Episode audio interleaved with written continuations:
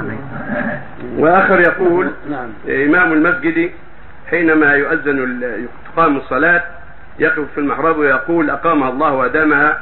اللهم رب هذه الدعوة التامة والصلاة القائمة آت محمد الوسيلة والفضيلة وابعثه اللهم مقاما محمودا الذي وعدته إنك لتخلف الميعاد. فهل هذا دعاء مأثور أو هناك غيره أو هذا أفضل؟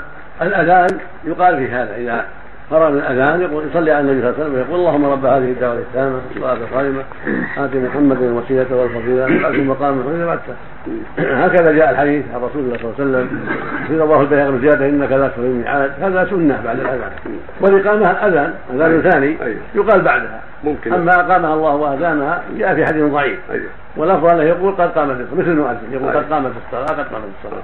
بدلا من اقامها الله وادامها أيوه. لأن لفظة اقامها الله وادامها جاء في خبر ضعيف لا يصح النبي صلى الله عليه وسلم. وإنما يقال مثل ما قال النبي صلى الله عليه وسلم إذا سمعتم مؤذن فقولوا مثل ما يقول. أيوه. يعني يقول قد قامت الصلاة قد قامت الصلاة.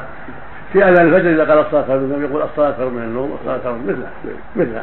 أما في حي على الصلاة حي على فيقول لا حول ولا قوة إلا بالله. لأن صح به الخبر. عن النبي صلى الله عليه وسلم إنه كان يقول عند لا عند حي على الصلاة لا حول ولا قوة إلا بالله. وعند حي على الفلاح يقول لا حول ولا قوة إلا بالله. هذا في الأذان والإقامة. أيوه. يعني ما سمعنا يقول اللهم رب هذه الدعوة ما لا سمعنا لا بعد الأذان وبعد الإقامة. طيب. طيب. كلها اذان أيوه كلها شيخ. نعم.